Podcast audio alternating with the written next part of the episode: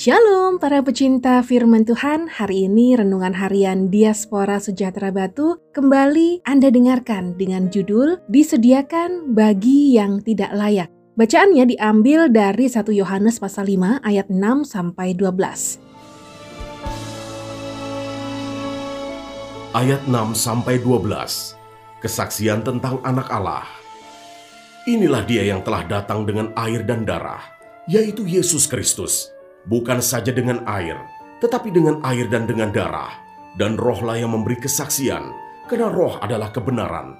Sebab ada tiga yang memberi kesaksian di dalam sorga, Bapa, Firman, dan Roh Kudus.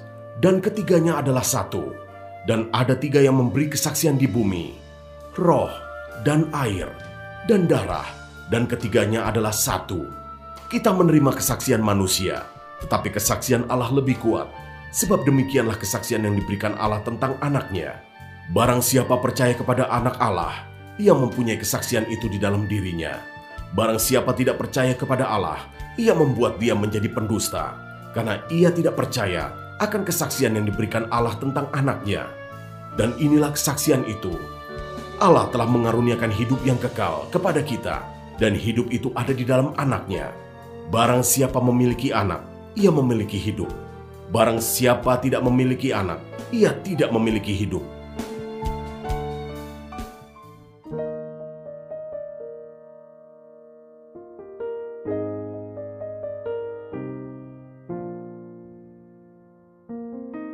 Dan inilah kesaksian itu. Allah telah mengaruniakan hidup yang kekal kepada kita dan hidup itu ada di dalam anaknya. 1 Yohanes pasal 5 ayat 11. Pendengar yang dikasih Tuhan, adakah manusia yang tidak punya masalah? Setiap manusia tentu memiliki masalah, dan masalah yang paling serius dalam diri manusia adalah masalah dosa. Sejak manusia jatuh ke dalam dosa, mereka tidak akan pernah bisa menyelesaikan masalah itu sendiri. Walaupun Allah sudah memberikan petunjuk supaya manusia bisa mendapatkan pengampunan dari Allah, kenyataannya manusia semakin jauh dari Allah. Jadi, Mustahil manusia bisa menyelesaikan masalah dosa dalam dirinya.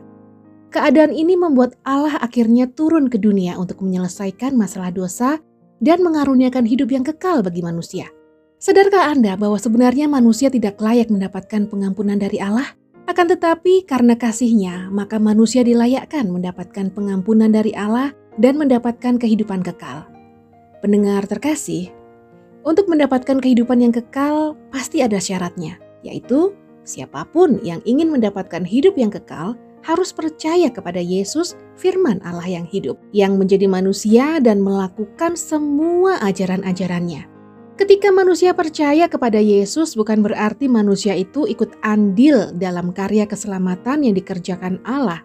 Pada saat manusia percaya padanya, dalam hal ini Allah mau supaya manusia menggunakan kehendak bebasnya untuk memilih hidup di dalam Tuhan. Allah hanya meminta kesediaan manusia untuk menyerahkan dirinya kepada Tuhan.